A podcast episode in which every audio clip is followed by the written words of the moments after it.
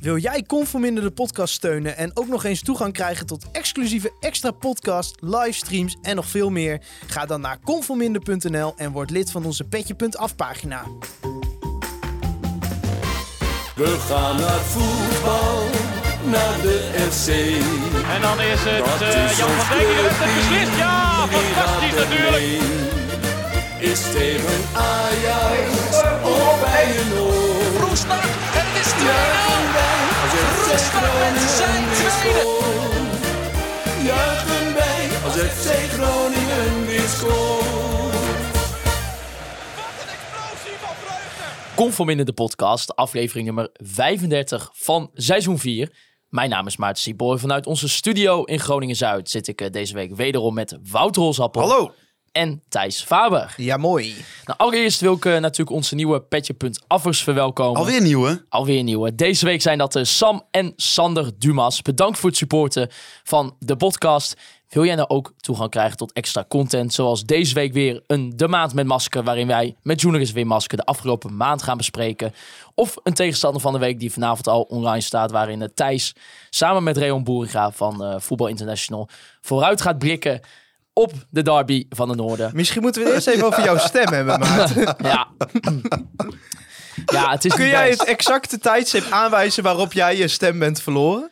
Nou, ik denk waar het grotendeels fout is gegaan is uh, Jurgen Strand-Larsen en zijn doelpunt.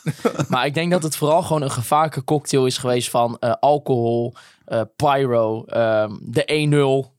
Ehm, Ja, die do- 1-0 zijn dodelijk. Toch even dat moment na die penalty dat Tadi scoort en dat vingertje voor de mond doet. Toch misschien even één keer schelden. Ja, en dan, eh, dan denk je, hoop je dat hè, zondag kan wel, weet je wel. Dat heb ik wel eens vaker. Maar eh, ja, dan word je vanochtend wakker en het eerste gesprek wat je voelt. En dan denk je, ja, kut. Ja. Ja, dus ja, zeer onprofessioneel voor mij. Dus Ja. in het uitvak in Heerenveen, ik hou mijn mond. Ik zeg helemaal niks aankomende zondag. eh. Maar jongens, hoe was jullie afgelopen weekend? Ja. Ja, eh, zondag, eh, nee, zaterdag natuurlijk, was eh, echt zo'n dag dat je het eh, weer ouderwets eh naar zo'n wedstrijd toeleeft vanaf 's ochtends vroeg. Ja, heerlijk. was echt heerlijk, ja.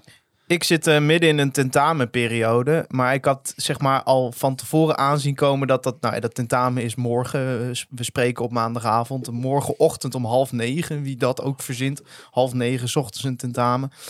Ehm, maar ik had eh, die zaterdag, die stond al zeg maar in mijn agenda geblokt als van, eh, dan worden geen studie-gerelateerde activiteiten ondernomen. Hoe laat was eh, Casa Discipel open voor de indringsessie? 11 uur. 11 uur. 11 uur 's ochtends. Ah, en dat was gezellig. Ja, ja even goed eh, ontbeten. Mensen, mensen in de Telegramgroep eh, die konden ook nog zien dat ik even een biertje trok. Hè. Oh, Wil ik ook even duidelijk maken. Eh, het was eerst de bedoeling dat Wouter dat ging doen, maar die wilde dat niet. Nou ja, ik denk dan toch voor die petje af. Dus jongens, kom op nou. Dit is, dit is die extra content waar mensen om vragen. Ja, ik vraag me dat af, maar... Dus eh, die was... eh, die was ja, dat kan- Volgens, ja, volgens mij is er een video dat jij uit een rijstmaatbeker een biertje aan het drinken bent. Ja, en vanaf dat moment ging het fout met de stem ook. Daar, daar is dit het resultaat van, zeg maar. Eh, maar eh, ja, het was een heerlijke middag. En even on a more personal note. Je hebt voor het eerst ook je vriendin meegenomen naar voetbal. Ja. Hoe was dat? Ja, die zat ook wel goed in de olie op een gegeven moment. Die heeft volgens mij wel dertig keer om Jurgen geroep, geroepen. Eh, ook, Jurgen Strand Larsen voor de ja, duidelijkheid. ook twintig keer gevraagd, waar staat hij? Nou, ik dan zeg, ja, nummer 9, lange jongen in de spits. Nou, vijf minuten later was het alweer vergeten. Maar onvergetelijke dag gehad. Ja, Vond het leuk? Ja die vond Maar het jouw hartstikke leuk. vriendin komt uit Nieuw-Zeeland, Ja. dus die is niet heel erg bekend met eh, eh, Nederlandse voetbalcultuur. Maar volgens mij had ze het wel naar haar zin. Ja, die vond het geweldig. Was, was wel in de rust was ze ons kwijt, want eh, ze, ging, ze ging naar de wc. En ja, moet ik ook wel zeggen, ik heb dat ook wel eens een keer gehad. Dat je net even een trapje te vroeg of te laat neemt. Weet je, zeker als het heel druk is. eh, ja. En toen stond ze bij willekeurige mensen, of? ja, nee, toen kwam ze op een gegeven moment kwam ze er weer aan. Ik denk, ja, ik denk, die komt vanzelf wel een keer terug. Ik denk, die, die is misschien nog een drankje aan het houden. Dan ben je natuurlijk een half uur verder. Ja, Dus, maar daarover later ja, meer. ja. Maar eh, nee, ja, maar die heeft het hartstikke leuk gehad. En ik, ik moet zeggen, ik vond het ook weer heerlijk. eh, ondanks dat je dus eh, nou, 3-1 verliest. Ja, Eh, kun je, kun- je kunt misselijk zijn van een eh, nederlaag. Waren jullie dat van deze? nee. Nou, eh, weet je, je, tuurlijk wil je deze graag winnen. En je gooit het eigenlijk gewoon in, in drie minuten voor rust. Gooi je die hele wedstrijd eh, in het putje. Ehm, zeker omdat eh, Groningen in fases best wel heel goed heeft gespeeld.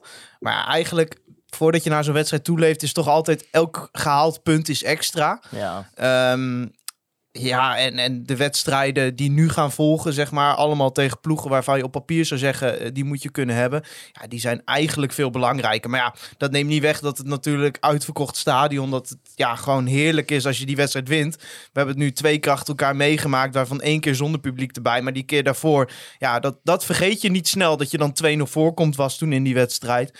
Eh, dus ja, daar heb je wel zin in.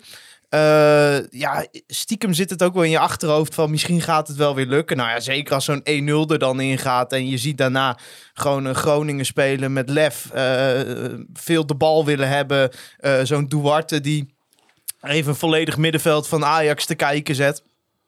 Ja, dan ga je hoop krijgen. Maar ja, je weet ook, ik had het voor de wedstrijd al tegen iedereen gezegd. Die Davy Klaassen, die hoeft maar één keer in die 16 te komen. En jawel hoor. Ja. Ja, en, en ja, dan ook nog met zo'n met zo'n kutpanel, om het eh, maar eens even oneerbiedig te zeggen, voor rust.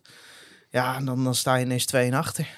Ja, plus weet je, je vraagt dan inderdaad van, ja, ben je dan heel erg teleurgesteld? Maar die tweede helft, die, doe- ja, die bloedde ook een beetje dood op een gegeven moment. Ik, ik, ik, ik zag ook niet meer echt een soort van, eh, op het eind, dat er misschien nog een slot offensief gingen gooien. Het, ja, het, de wedstrijd liep een beetje langzaam op zijn einde. Dus ja, weet je, prima. En het was gewoon gezellig. En eh, eigenlijk die, die 1-0, die ontlading bij die 1-0, dat, dat maakt je middag dan al. Dus, Ja, weet je, dus het was eh, heerlijk. Maar ja, wat je zegt Thijs, eh, FC Groningen begon goed. Wel zonder Thomas Soeslof. Die vanwege een blessure die hij opliep bij het nationale team van uh, Slowakije er niet bij was. Dacht je nog van, oeh, hoe gaat Danny Buis dit oplossen? Ja, aan de ene kant wel. Eh, aan de andere kant, ja, ik vond hem de afgelopen weken, zeker als hij op rechtsbuiten speelde, niet goed. En eh, ik had wel zo'n gevoel van als eh, Ajax inderdaad met blind op linksback gaat starten. eh, wat Buis trouwens niet dacht, zei hij achteraf. Die dacht dat blind centraal ging spelen. Maar als Daily Blind op, eh, op linksback zou beginnen. Ja, dan moet je eigenlijk iemand met snelheid daar hebben. Want ja, Daily Blind is gewoon niet meer de snelste. En, en Soeslof is toch wel een speler die de bal in de voeten wil hebben. Eh, dus ik dacht, oké, er liggen misschien ook wel kansen als je daar een speler neerzet die wat meer diepte in zijn spel heeft. Eh, maar ja, tuurlijk, eh, een Soeslof die niet kan spelen is altijd een aderlating. Al is het alleen maar voor de beleving die hij ook in een elftal brengt. Ik bedoel, stel je had hem nu naast Duarte neergezet en hij had daar een beetje de boel aangestuurd en, en, en wat tackles gemaakt. Ja, dan had dat denk ik best wel positief kunnen uitpakken. Maar ja, ik denk op zich als, als rechterflankspeler miste je hem niet. Nee, want ik wou net zeggen, hij heeft natuurlijk ook weer niet zo'n eh, geweldige indruk gemaakt de afgelopen week. Ik, ik, tenminste, toen ik het nieuws las, toen dacht ik van ja, ja ik, weet niet, ik weet niet eens of ik het echt heel erg jammer vond. Natuurlijk is het jammer, omdat het gewoon een enorm talent is. En het Ja, een speler is waar je graag naar kijkt. Al is het alleen al om zijn mentaliteit. Ja, Ja, het is vooral jammer als hij vanaf nu ook nog wedstrijden gaat missen. nee, dat is het. Maar eh, volgens mij was hij achteraf in het supportershome. Dus eh, ik, heb Nou, goede, ik heb goede hoop dat hij niet eh, er krukken, snel zeg weer maar. bij is. Ja, nee, dat bedoel ik. Nee, het viel ook wel mee. Ja, maar hoe, Hols, hoe heb jij zitten kijken naar die, ja, die, vooral misschien die eerste helft van FC Groningen met eh, als hoogtepunt het doelpunt van, eh van Jurgen Strand-Larsen. Maar Groningen speelde ook na de doelpunt best wel goed. Ja, het zag er hartstikke Ja. goed uit. Ja, eh, Ajax was een beetje tam. Kwamen er niet echt aan te pas. vond wel het eerste kwartier, vond ik dat Groningen het wel bij Vlagen nog best lastig had hoor. Ja, Maar ik ja, vond- Oh, maar ik vond, zonder echt kansen tegen Ja, te maar dat precies, bedoel ik. ja. Ik vond dat, dat eerste kwartier dat Ajax eh, ja, zonder goed te spelen wel een beetje de controle had over de wedstrijd. Tuurlijk, En ja. Je wil, als je Ajax wil raken in zo'n wedstrijd, eh, dan moet je eh, ja, chaos creëren. Of dan moet je ze uit hun spel halen. En ik had het gevoel dat zij, zeker met Berghuis, die steeds een beetje de bal kwam halen, dat zij best wel eh, ja, tot voetballen konden Kijk, het, was, komen. het was niet de wedstrijd eh, van de iconische tackles zoals die van Zeefuik op Babel. Nee. Maar toch weer op hun eigen manier heeft ook dit team het gewoon weer het best voetballende team van de Eredivisie vrij onmogelijk gemaakt om kansen te creëren. Nou, op zich, kijk, voetballend eh, vond ik Groningen eh, misschien wel beter dan in die vorige twee edities want die we van Ajax Ze, wonnen. ze gingen heel veel opbouwen. En aan het begin denk je dan van... waarom zou je dit doen tegen Ajax? Ja. Maar het ging best wel aardig. Ja, en je zag gewoon dat, eh, eh, dat vond ik best raar, dat, dat eh Wierik vaak juist niet vrijgelaten werd in de, in de opbouw. Terwijl ja, dat is toch wel de laatste die je wil laten opbouwen bij Groningen. Dus dat pakte wel goed uit. Dat Casemiro kon de bal best vaak gaan halen. Nou, Ja. die was wel wat slordig, vond ik. Eh, ja, je merkt ook wel wat, wat voor verschil het maakt als je iemand op dat middenveld hebt staan die gewoon echt geen stress aan de bal heeft. Ja, maar kijk, we zeiden toen naar Feyenoord uit ook al van... dat was een test voor Duarte. Nu speel je weer tegen eh, het team dat misschien wat allerbeste druk kan zetten... in de hele eredivisie. Ja, en ja, eh, nou ja, om te zeggen dat het moeiteloos is, dat niet. Maar eh, ja, het is wel... ik heb bij Duarte een beetje het idee dat hij misschien stilletjes wel de beste... of in ieder geval meest consistente speler is op dit moment bij FC Groningen. Ook omdat hij gewoon eh, als we tegen een ploeg spelen die goed druk kan zetten, dat, ja, hij kan daar moeiteloos in mee. En het is eigenlijk dat type wat we jaren hebben gemist. Waarvan we zeiden, dat moeten we naast Matusiwa hebben. Ja, Ja, trouwens, nou heb je Matusiwa niet meer, maar Duarte wel. ja, maar daarvoor kunnen we ook gelijk even gaan naar de Ongarite Company. Moment van de week. Het Online Retail Company moment van de week.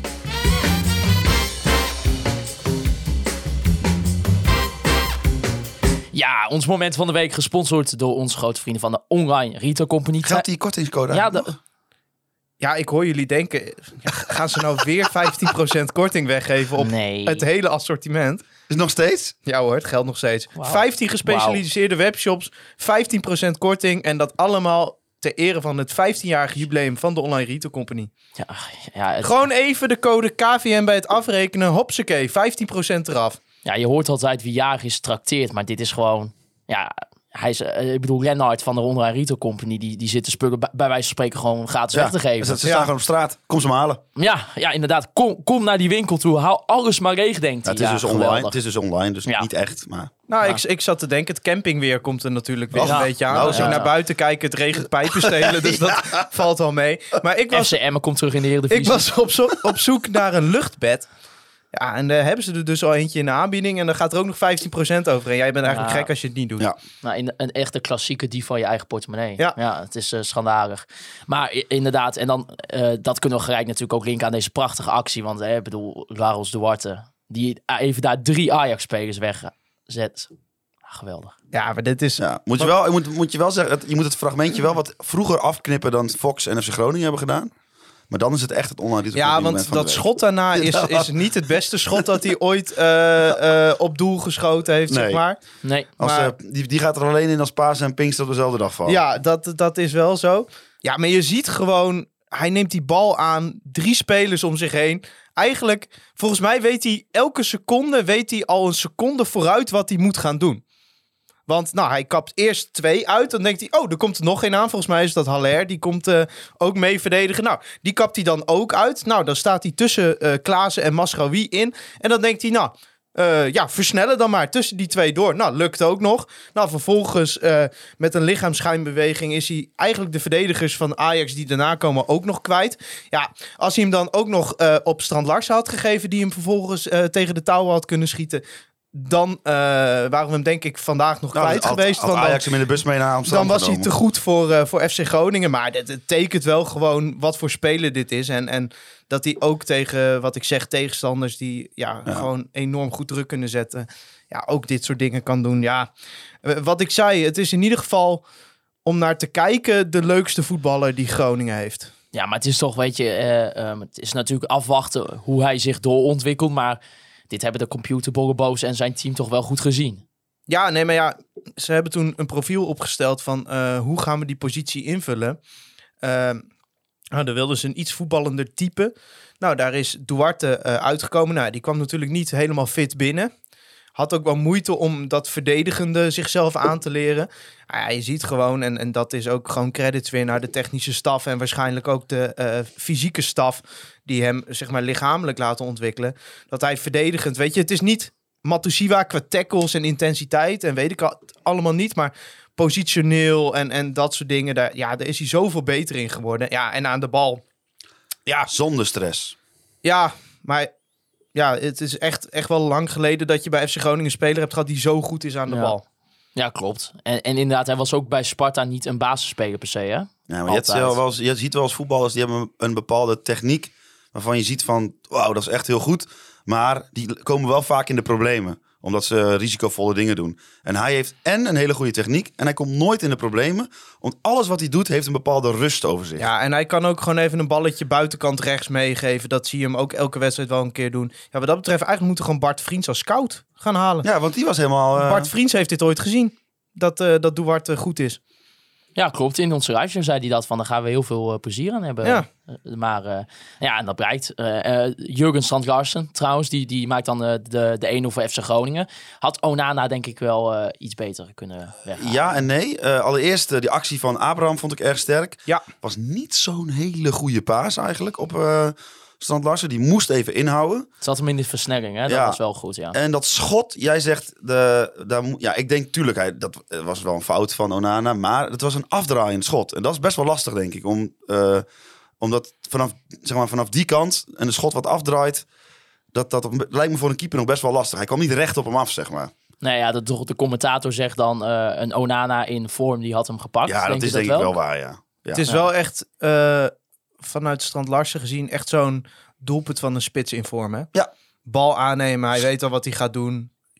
Ja, het is best een goed schot ook. Ja, maar als je kijkt, zeg je maar, eh, voor je gevoel gaat zo'n bal recht naar de hoek. Maar er zit en een curve in van onder naar boven. Dus het, zeg maar, dat heet topspin, denk ik. Dat hij echt zeg maar, snel omhoog gaat en snel weer naar beneden. En een draai naar buiten. Dus het is nog best wel lastig, denk ik, voor een keeper om die bal te pakken. Hij veegt hem er echt in. Ja. Dus, ja, en, dus en, ik eh, wil niet zeggen dat het een onhoudbare bal is of zo. Ik denk dat de keeper hem echt wel meer had kunnen doen dan dit. Maar ik denk dat Strand Larsen gewoon het maximale uit de mogelijkheid heeft gehad. en Abraham doet dat ook wel slim hoor. Door best wel lang te wachten eh, met zijn bal. Ja, maar hij, En daardoor kan De Leeuw die loopactie doen. En dan staat ineens eh Strand Larsen vrij. Klopt, maar door die paas die eigenlijk een beetje... zeg maar, er is niet echt rekening gehouden met de loop van eh, Strand Larsen. Die moest inhouden. Als hij hem in de loop had gegeven, had hij het echt de hoeken voor het uitkiezen. Ja, Dus het is... Abraham moet die bal even goed terugkijken. Want eh, nou ja, dit is eigenlijk wat we van hem willen. Hè? Een actie en een assist. Ja, maar gewoon die hele aanval is echt prachtig. Door de as, Casemiro die Abraham aanspeelt, die draait weer bij twee spelers weg. En eh, die, die zet een versnelling in. De Leeuw loopactie, eh Strand Larsen maakt hem af. Kijk, we zeggen best wel vaak, hebben zeker vorig seizoen vaak gezegd... FC Groningen maakt geen teamgoals. eh te veel afhankelijk van individuele kwaliteit. Dit is gewoon, elke linie heeft de bal aangeraakt.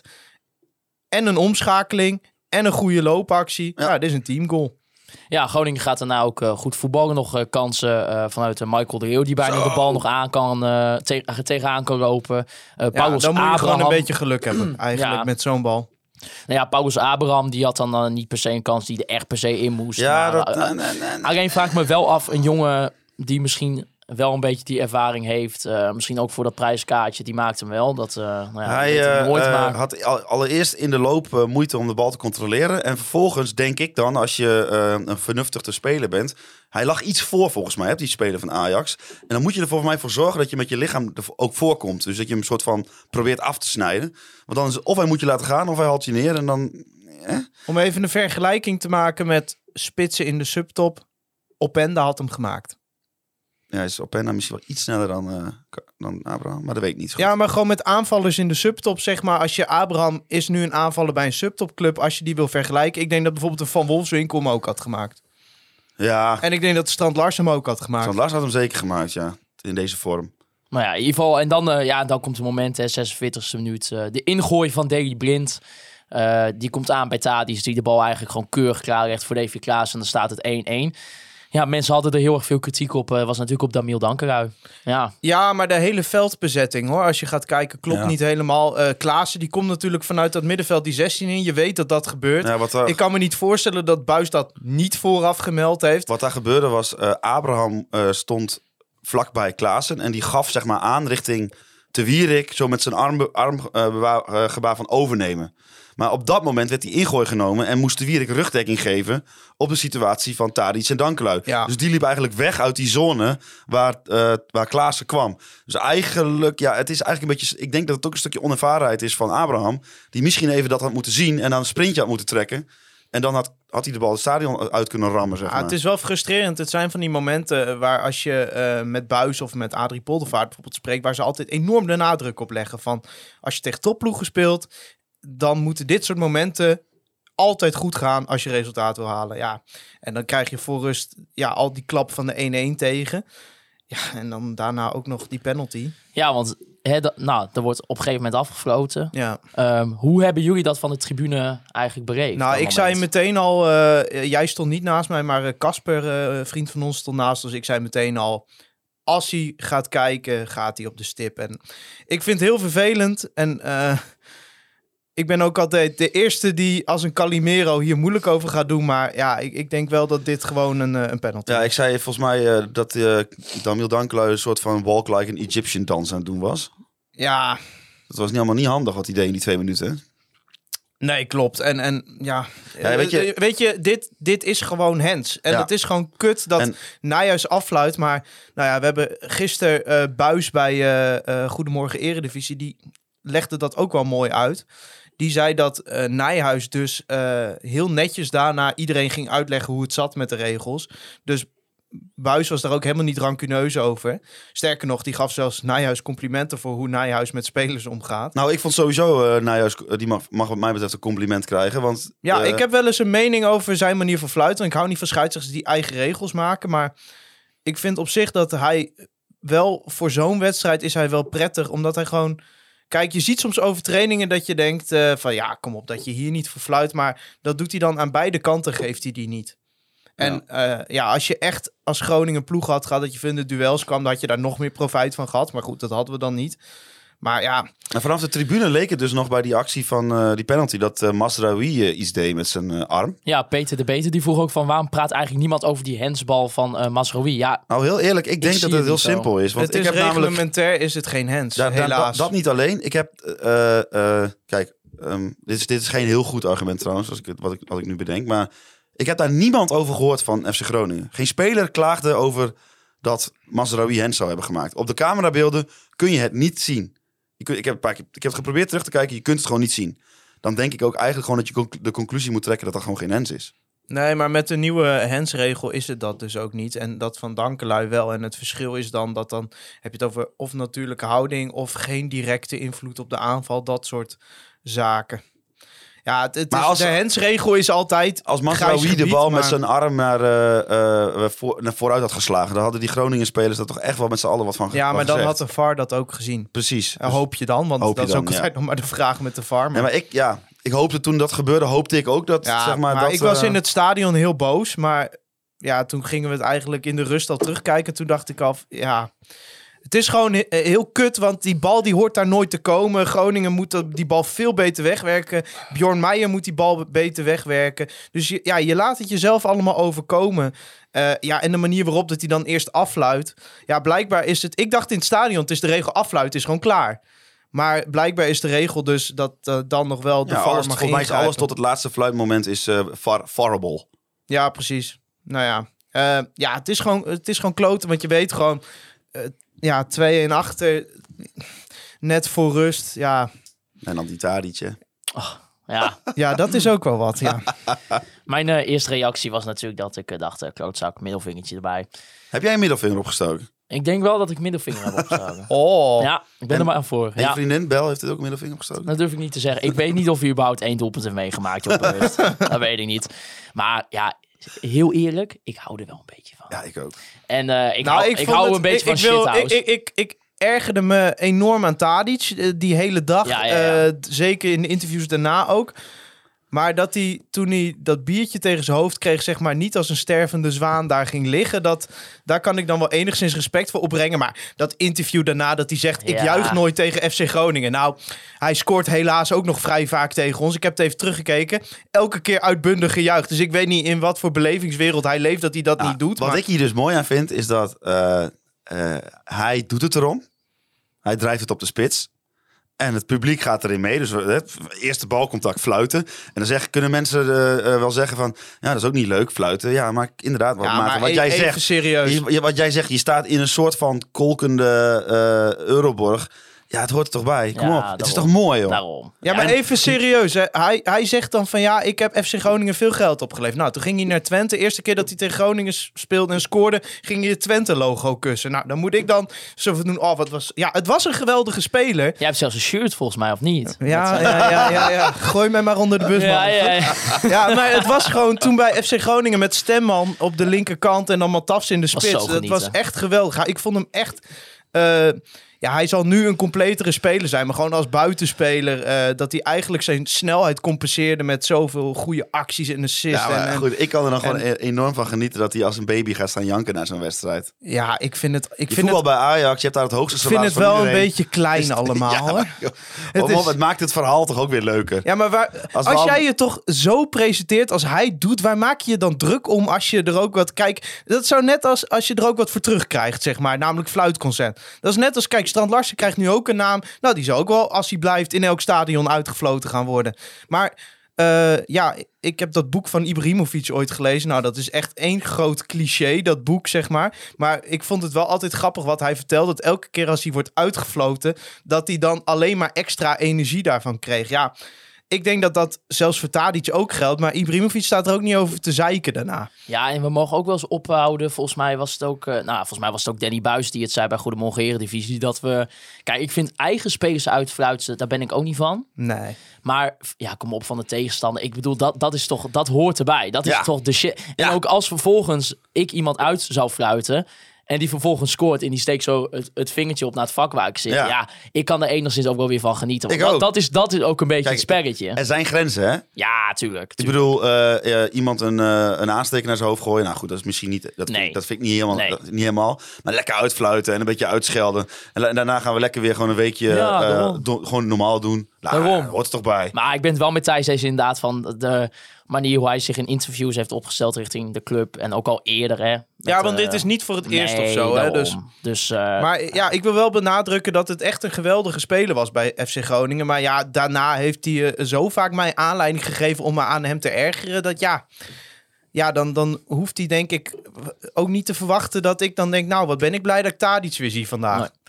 Nou, in de rust wordt eh, Damiel Dankelui eh, gewisseld. Rink Jonkers die vroeg, Damiel zijn kans eh, op meer basisplaatsen lijkt verkeken. Hoe zien jullie de verdediging voor je voor de komende laatste wedstrijden? Ik denk niet dat hij per se niet meer gaat spelen. Eigenlijk.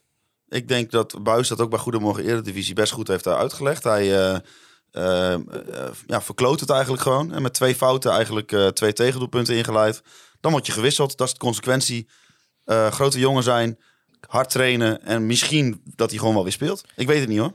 Maar ik Plus, je hebt ook geen alternatief, hè? Laten we eerlijk zijn. vind het zo irritant dat Buis dat altijd zo goed uit kan leggen, dat soort dingen. Buis bij Goedemorgen Eredivisie, eh, dan laat ik mij zeg maar, ik ben best vaak kritisch op hem, eh, eh, dat hij wel eens te vaak hetzelfde argument gebruikt over ervaring en zo. En dan zie je hem daar weer in zo'n setting zitten en dan laten ze hem uitpraten. Nou, we hebben hier ook een podcast met hem opgenomen. Dan laat ik me toch elke keer weer door hem inpakken. Dat ik denk, ja, die denkt toch wel echt over alles goed na. Ja, nee, klopt. Hij, hij was op zich ook weer gewoon helemaal goed eh, in die show. Ik had Ja, sowieso aanrader om terug te kijken. Ja. Eh, zeker met eh, Marciano Vink erbij, wat ik ook echt een goede analist vind. Eh, en Milan van Dongen is een goede presentator. En Hans, Heerlijk. Hans Kraai en Danny Buis kennen elkaar ook goed. Dus Maar- die, die chemie was wel top. En, en Danny zat daar gewoon grappen te maken. En het, ja, het was gewoon een, een leuke show. Maar in de basis ben ik het wel met eh eh, Rienk Jonkers eens. Ik denk dat Dankelui een prima backup rechtsback is voor FC Groningen. Ja, denk het ook. Maar dat is dus nu het probleem. Je hebt nu, Precies. ja, je kan hem er wel uithalen, maar wat is het alternatief? Ja, Ja. Bogarde misschien. Ja, ja, nou ja, dat, dat zou kunnen. Ja, of hij Maar, gaat toch eh, weer met Mike Twierik op rechtsback proberen. Maar ja, daar ben ik ook niet zo fan van. Maar ja, Mike Twierik in het centrum ben ik ook niet zo fan van. Dus, En Mo gaat ook niet in een viermansverdediging Nee. spelen. Dus nee. Nee, dus het is wel een, een knap lastige puzzel, ja. ik zou zeggen, tenminste, ja, eh, wie ben ik? Maar ik zou hem gewoon laten staan. Ja. Ja, Maar die tweede helft verder, ja. Ja behalve die ik kans. Heb, ja, eh, ik heb nog een, eh, eh, weet het, een, nog een, eh, een voorzet gezien van El Ankouri ja, op eh, Strand Larsen. ja. Ik denk, jongen, dat scheelt niet veel hoor. Nee, hij, het was wel een moeilijke bal om eh, op doel maar te krijgen. Hij kopt hem naar de grond, maar als hij hem net op een andere hoek naar de grond kopt, dan is het heel moeilijk voor de keeper om Ja, en dan loopt de Leeuw door voor de rebound misschien. ja. ja. dus dat Ah, ja, zat er nog echt niet ver bij vandaan. Nee, maar ik, tenminste, ja, eh, ik spreek dan nu voor mezelf hoor. Maar ik weet niet hoe jullie dat hebben ervaren. Maar ik had niet echt in de tweede helft, ook niet de laatste kwartier of twintig minuten, dat ik dacht van, nou, wij gaan nog eh, echt wat brengen. Nou, je moet gewoon hopen dat eh, het, het spel zich voortzet zoals het deed. Het kabbelde een beetje voort, waren niet echt kansen. En dat je op een gegeven moment via een slotoffensief, Postema erbij, dat je dan die 2-2 nog kon maken. Maar ja, daar werd door Ajax in de blessuretijd genadeloos mee afgerekend. Ja, Maar eh, ja, da- daar had je op moeten hopen. Had je misschien 2-2 gespeeld en dan had je gewoon loon naar werken gekregen. Ja, precies. Nee, ja, en weet je, ja, het is gewoon jammer, maar eh, je kan wel, denk ik, putten uit Ajax dat je best wel op momenten best wel goed hebt gespeeld. Ja, Tenminste, maar in de eerste serieus, je hebt onder, onder druk heb je gewoon goed voetbal laten Ja, zien. En, en ja, dat geeft gewoon veel vertrouwen. Dus het is ook niet dat het zelfvertrouwen nu een knauw krijgt. Je gaat volgende week naar Herenveen toe. Nou, daar heb je in principe eh, alles te verliezen. Want eh, als je die verliest, staat Herenveen ineens op twee punten van je voor die playoff plek. Dus. eh, maar ik denk dat het vertrouwen er wel is. En, en ja, ik zeg niet dat we volgende week gaan winnen. Maar ik denk dat onze kaarten wel wat beter geschud zijn dan die van Herenveen op dit moment. Ja. Nou ja, dan nog even wat randzaken. Zo was er ook Pyro aan Oh? het eh, begin van, de van de tweede helft. Ja, je zag het doekje al komen. Je denkt, eh, hier komt het. Yep. Ja. ja, ik vond het mooi. Nou, vind ik, ik vind het echt niet kunnen. Ik vind alleen het knalvuur. Dat meen je niet. Nee, dat meen ik helemaal niet. Nee, nee ik vond Ja. het echt... eh, ja, goed. Ik, eh, laat, ik- hè, we laten het eventjes nuanceren. We weten, het mag niet. Het kost de club misschien een boete. Maar dat betekent niet dat ik het niet mooi vind. Nee, Alleen, want ik laten moet we wel zeggen- benadrukken, we, we spreken vanuit onszelf. Er zijn natuurlijk mensen die eh, het minder prettig vinden. Nou, dat, ja, dat, dat, rook op de longen. Ik snap dat dat vervelend dat is. respecteer ik ook. Ik spreek gewoon voor mijzelf dat ik het enorm sfeerverhogend vind. Ja, en dan heb ik het over de fakkels en de rookpotten op de tribune. Want knalvuurwerk ben ik dan wat minder fan van. Nou, gewoon niet doen. Nee, ik vind, het, ik vind dat dat... Kijk, weet je, je doet het volgens mij om sfeer te maken, vuurwerk. Ja, En nou ik vind dat lukte wel. Knalvuurwerk vind ik juist niet sfeerverhogend. Want je merkte meteen dat heel veel mensen schrokken. Ja, precies. Mensen schrikken. eh, Ik schrok me ook helemaal de S-pleuris. voor hetzelfde geld wordt er ook nog een keer per ongeluk op een, bij een keeper gesmeten. Ja, en zo, precies, weet dus- je wel. Dat soort shit moet je gewoon niet hebben, Ik vind joh. het wel jammer, want ik denk van ja, je zoekt eigenlijk al het randje op met eh, Pyro. En eh, ja, wij vinden dat dan stiekem leuk. Ja, maar je weet natuurlijk, het kost club grappig- geld. wel Maar, grappig dan- aan de andere kant, ik vind het ja, wel dermate sfeerverhogend. Ja, en ik hoef het ook niet te betalen. De club moet dat betalen. Maar ik vind het dermate sfeerverhogend. Ja, ik vind het dan Ja, ja, wel waard eh, of zo. Want het maakt voor mij die wedstrijdbeleving wel nog mooier. Dat het, dat het, Geld van jouw seizoenkaart gaat weer naar die boete. Dat het sfeerverhogend werkt. Dat bedoel Ja, ik. Wel leuk dat er dan een bom op het veld wordt gegooid. En dat FC Groningen dan op hun YouTube-kanaal de samenvatting noemt in een bomvolle Euroborg. Ja, ja, ja dat, eh, dat kan allemaal. Nee, maar ik ben het wel eens inderdaad. Ik vind het ook sfeervol. Je merkt ook gelijk, ja, ik vind, het, ik vind het wel gewoon tof, man. Ik vind het ook in een uitvak vind ik het altijd vet. Ook bij dit soort wedstrijden, weet je wel. Eh, alleen ja, alleen dat knalvuurwerk. Net Ja, wat het zegt, hoort gewoon, zegt, laten we het zo zeggen, het hoort bij voetbalbeleving die Ja. wij tof vinden. Ja, ja, precies. Ja, maar ik snap ook wel de mensen die, de, die Ja, er niks mee hebben, hoor. Tuurlijk. Of gewoon, ja, de mensen die het misschien zelfs verschrikkelijk vinden. Ja, ik snap het wel. Alleen, eh, als je het aan mij Ja, maar vraagt... we ik zitten hier om voor eh, onszelf te spreken en niet Daarom, voor andere mensen. daarom dus. dus, eh, ik vond het wel mooi. Eh, dan, wa- viel je ook nog op. Er was best wel veel kritiek online op eh, de speaker van FC Groningen. Dat ging Ja. volgens mij vooral om het oproepen Ja. eh, tot het stoppen van de spreekkoren. Nou, ik heb geen zin om de podcast over of je wel of niet Joden moet gebruiken in een stadion. Daar ga ik even aan voorbij.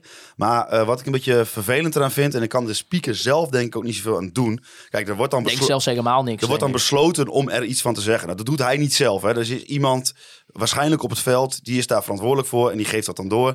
Nou, dat moet dan via 16, 17, 18 schakels. Komt dat uiteindelijk bij de speaker terecht, dan is het, eh, ja, het spreekkoren of whatever, wat je ook wil, is al lang voorbij. En dan gaat hij nog zeggen dat je dat niet meer moet doen. En volgens mij werkt dat gewoon niet. Want dan ben je dus twee, drie minuten verder. En dan, dan, dan, eh, ja, dan dat voelt al zo, ja, mosterd naar de maaltijd. Vind dus- ook niet dat deze speaker het op een manier zegt eh, dat je denkt, nou, dit gaat ja, werken. mensen willen Jan Wilderman natuurlijk, ja.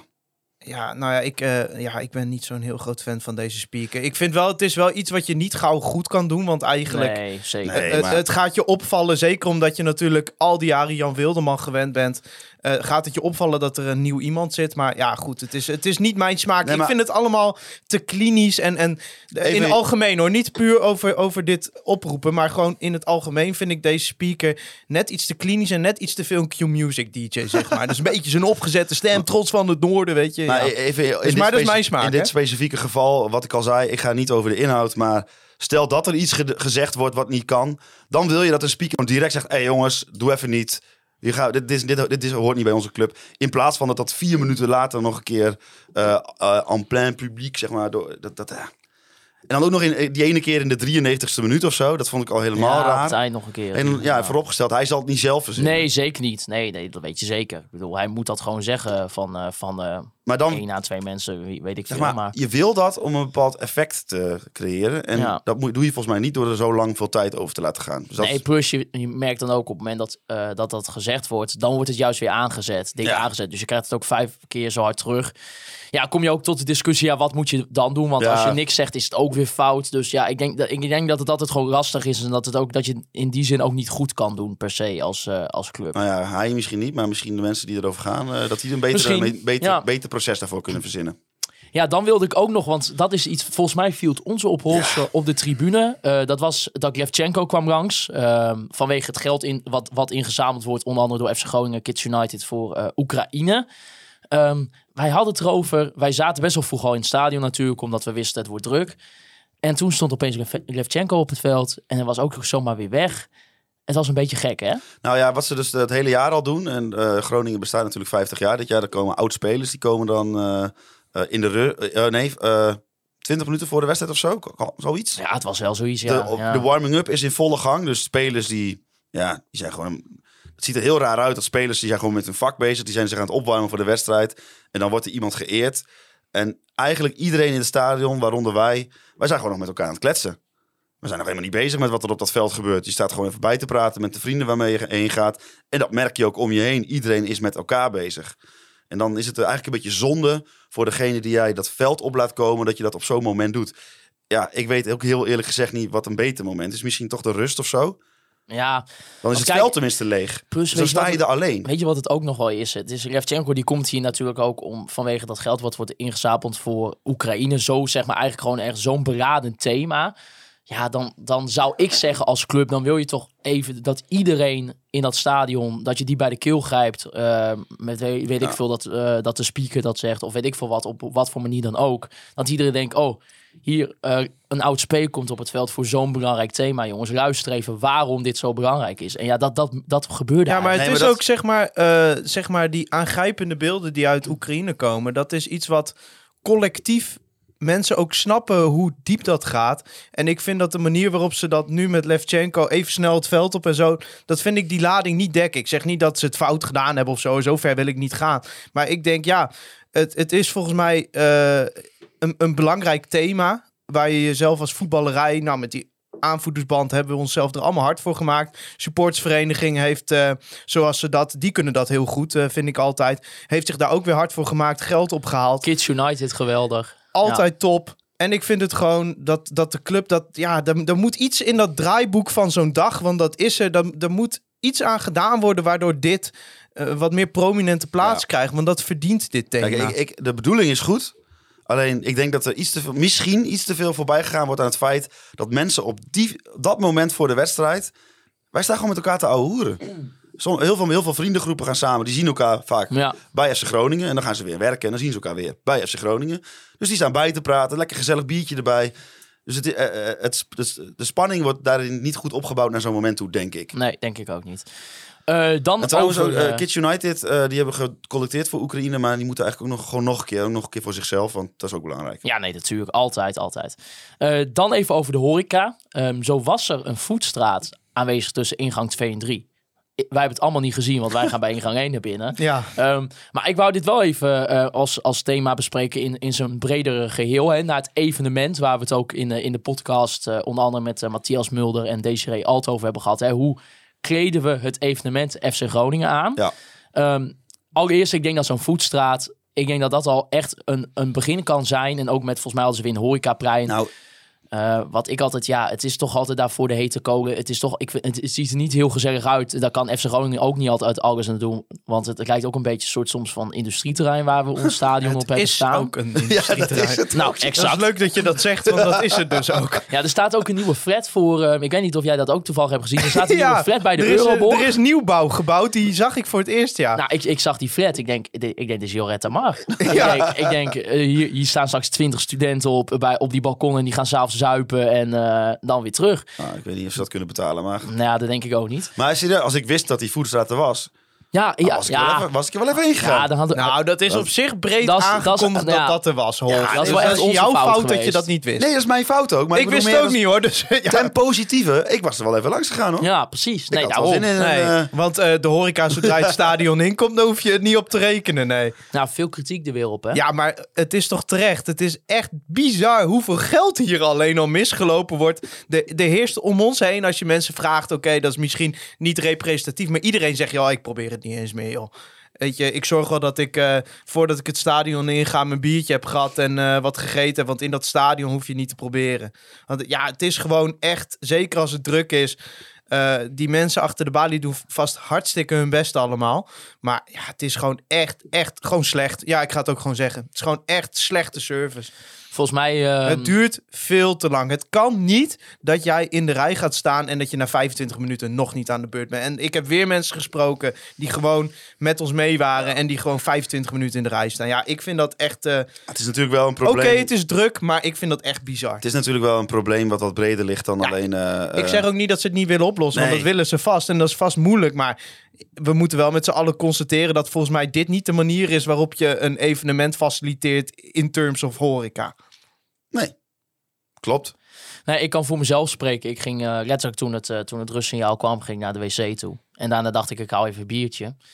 Ja, ik ben uit de rij gestapt om, eh, om de tweede helft gewoon eh, te zien, zeg maar. Want ja, je hoort, dan, je hoort op een gegeven moment aan de muziek hoor je van de tweede helft gaat beginnen. Ja, het is zonde. Ik, ik kan nog een paar mensen voor me staan. Ik denk, ja, ik wil gewoon die tweede helft gewoon kijken. Dus ik denk, nou, laat dan ook maar. Ja, zo zullen vast heel veel mensen dat hebben gehad dan denk ik afgelopen Ja, en, weekend. Weet je, je hoeft er niemand persoonlijk op aan te vallen, want die mensen achter de balie doen hartstikke hun best. Ja, en het is natuurlijk ook de maar situatie... als ik ook wel eens, ja, ik, ik heb er geen verstand van, maar als ik de druk op de tap zie bijvoorbeeld, ja, dan denk ik ook van, ja, vind je het gek als er iemand, zeg maar, stel, je bestelt daar nu een, een meter bier, 11 biertjes, 21 euro trouwens, dat is wel echt een topdeal. ja, dat, is dat echt, deal. dat is echt het enige product in Nederland wat niet aan inflatie Dat is doet. mijn eh, FC Groningen live hack. Ja, Voor dat de is wedstrijd echt een meter bier halen. Bizar. Dat is gewoon 2 euro per biertje, waar krijg je dat nog? Ja. Maar in ieder...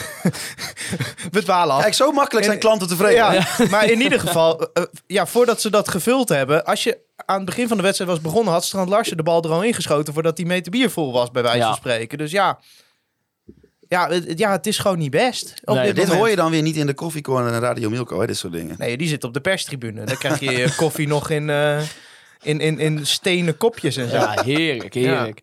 Eh, dan hadden nog eh, Peter de Beter en Arjan Tarens. Die hadden nog gevraagd van... Hoe krijgen we het voor elkaar dat de helft van de bovenste ring om Noord niet beneden gaat staan?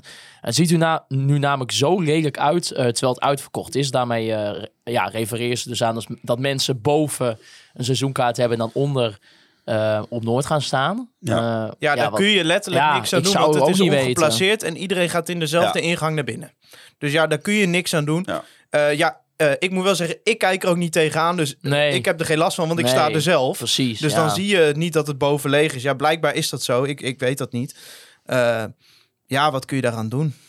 Ja, ik zou niet weten. Ja, je moet ook Dan niet, zou je een aparte ingang je moet ook hebben. niet het ineens geplaceerd maken. Want de charme Nee. van Noord is dat het ongeplaceerd is. Dus ja, ik ben bang dat het gewoon niet op te lossen is. Nee, daar ben ik ook zo bang gauw, voor. eh, Kijk, die horecaproblemen zijn wel op te lossen. Maar dit is, ben ik bang niet op te lossen. Tenminste, we hebben niet zo 1, 2, 3 hier eh, bij de hand. Nou ja, ik bedoel, je, je moet gewoon even wat... le- Als, als er boven toch niet vol is, haal je daar gewoon wat stoeltjes weg. Zet je daar wat horecapunten neer.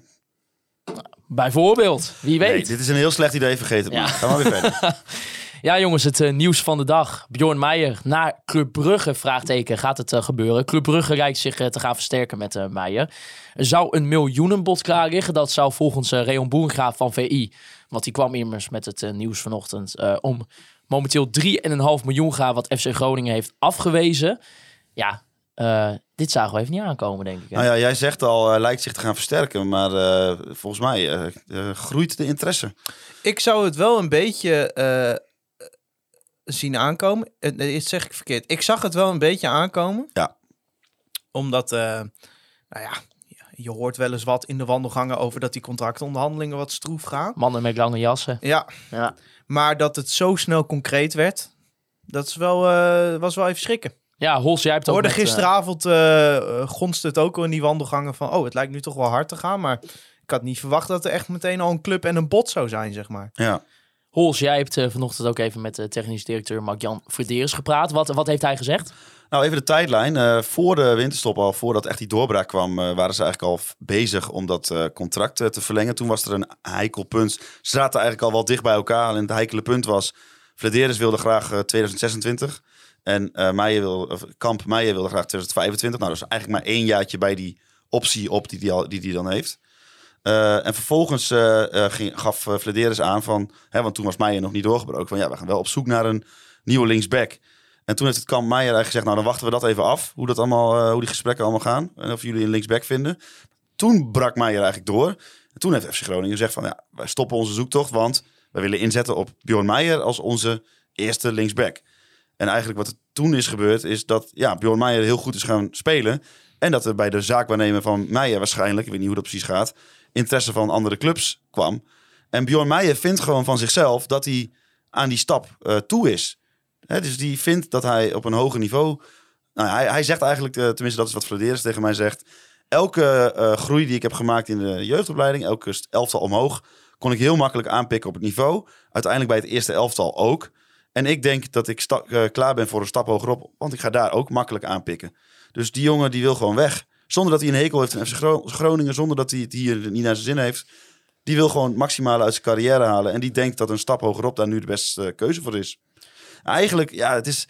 eh, eh, hier botsen twee dingen. Namelijk, je supportershart wil Ja, dat een jongen die van Helpman komt en bij FC Groningen speelt, vier jaar in het eerste speelt, aanvoerder wordt, eh, jou naar ongekende hoogte schiet en dan weggaat.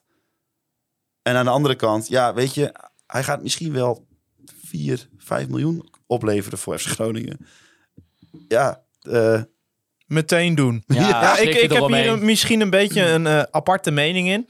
Ik wil wel gezegd hebben, ik vind hem echt supergoed. Ik vond hem dit weekend weer goed.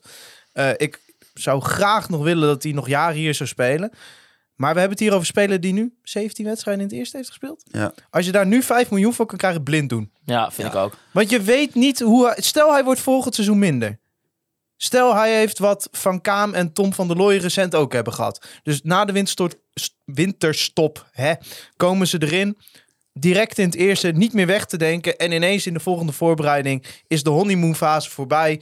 Komt er een klein dipje in de vorm. En ineens lukt het niet meer. tegenstanders gaan zich op je instellen. Ik denk dat Meijer aan alle voorwaarden voldoet om een ontzettend goede linksback te worden. Maar als je nu in deze fase van zijn carrière daar 5 miljoen voor kan krijgen, terwijl hij een in principe aflopende verbindenis heeft. Nou ja, dat kan dan naar 2024 worden gerekt. Ja, dan, dan zou ik dat doen. Zeker als je nu een soort bidding war kan starten. Wat Ja, Club want- en nog andere clubs zich gaan mengen en tegen elkaar op gaan bieden. Thijs, ik, Ja, eh, ik, ik weet niet. Het klinkt raar, maar ik zeg dan strik erom. En dat bedoel ik niet omdat ik hem kwijt wil. Maar ik denk dat dat eh, ja, gewoon een, een goede eh, deal zou zijn voor de club FC Maar Groningen. toen we het daar deze week een keer over hadden, eh, toen appte jij zoiets van 5 ton plus bonussen. Wat denk je dan als je dan 3,5 ziet, dat wordt van tafel geveegd? Vijf ton plus bonus, hè? Ja, zoiets zei jij. Zo voor de, zo voor de een beetje gechargeerd van dat, dat je er waarschijnlijk niet veel voor krijgt.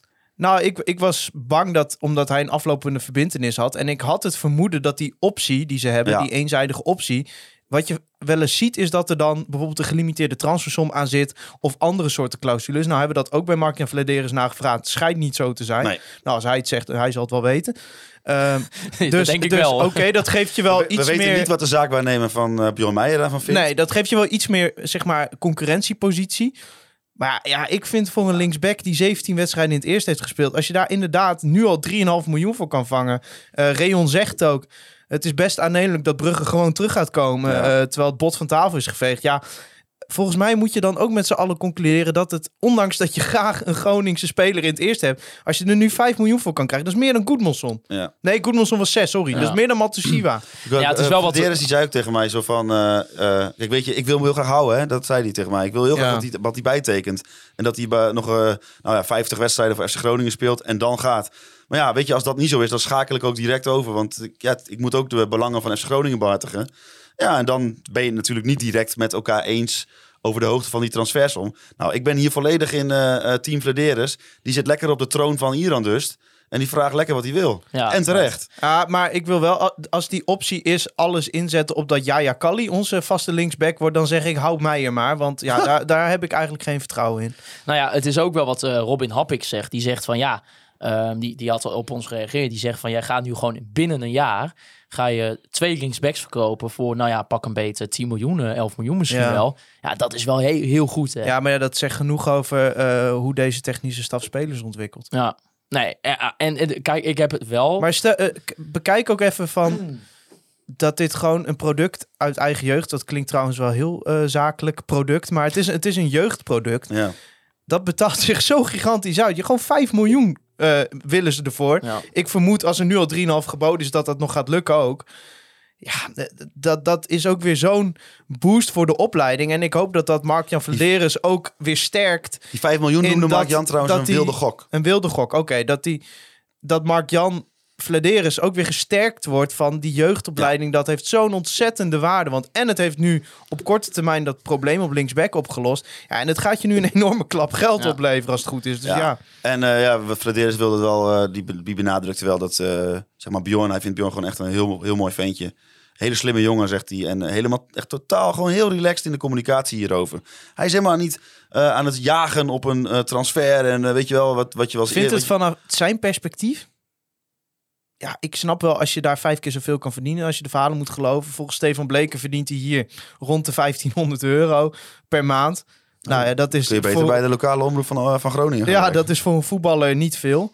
Eh, en dan maak ik nog een understatement. Ehm, dan snap ik wel als je bij Brugge vijf keer meer kan Ja. verdienen dan je nieuwe contract bij FC Groningen je biedt, dat dat interessant is. Club Brugge is ook zeker een interessante stap. Hele goede track record in het ontwikkelen van spelers. Eh, heel moderne visie op data en het ontwikkelen van spelers. Wat dat betreft vergelijkbaar met FC Groningen. En gewoon eigenlijk een grote kans dat je eh, en in een dominant elftal speelt en Ja. dat je Champions League gaat spelen. Want dat is het toch. Ik bedoel, Ja. ehm, zoals Reon Boeringa ook in het artikel eh, in VI zei van ja, het is eh, een onderbezette positie ook. ja. Ja, als, als zij tegen hem hebben gezegd van wij hebben een plan met jou dat jij gewoon binnen bij wijze van spreken een half jaar een vaste kracht bent binnen dit elftal. ja. Ja, als je dan inderdaad ook nog in een dominant team speelt waar je dus ook wat meer de ruimte hebt misschien om makkelijke fouten te maken. Je Of spreekt in principe de taal, maar dat scheelt ook wel een hoop. Eh, Alfred Schreuder is de trainer. ja, Maar dat is jongens, Een goede trainer. We hebben het nu heel erg eh, rationeel en zakelijk bekeken. Maar ja, het maar is qua ook wel een sentiment beetje- is het helemaal kut. Ja, maar het is qua ook wel een beetje zakelijk is het pijnlijk oké. om te constateren dat een jongen, eindelijk een jongen uit de jeugdopleiding van FC Nou, Groningen, het- waar je eigenlijk, hè, je zit met z'n allen in dat stadion, je zoekt naar je helden, je wil mensen waar je mee kan identificeren. En dat dan zo'n jongen eigenlijk, natuurlijk, zonder dat hij een hekel aan Groningen heeft of zo, of dat hij daar een negatief gevoel aan heeft, dat hij eigenlijk gewoon denkt van ja, eh half seizoentje, half seizoentje, hier vind ik wel best, ik ga weer. Ja, maar het bestaat niet in de voetbalwereld dat iemand nu zegt... nou, ik ga de rest van mijn carrière bij FC Groningen spelen. En je moet jezelf als, als supporter ook niet wijsmaken dat dat zo is. Nee. Tuurlijk Het zijn had vaak je heel graag gehad dat hij hier nog twee, drie jaar had gespeeld. dat, maar zijn, dat zijn vaak de Ja. spelers die net niet goed genoeg zijn, hè? die blijven langer. Maar inderdaad, wat wel Ja. jammer is, en ik heb dat eh, een ander voorbeeld, vind ik bijvoorbeeld Virgil van Dijk. Ja, ik laat het hebben over zeg maar legendarische FC Groningen spelers. Voor mij zijn dat spelers meer die iets voor de club hebben betekend, dan dat ze per se uit zijn gegroeid tot een wereldtopper. Ja. Eh, dus ja, kijk, in, dat, in die zin is het gewoon jammer. Stel voor als Meijer zich on- ontzettend goed doorontwikkelt en hij wordt bij wijze van spreken een top linksback ergens in de Premier League.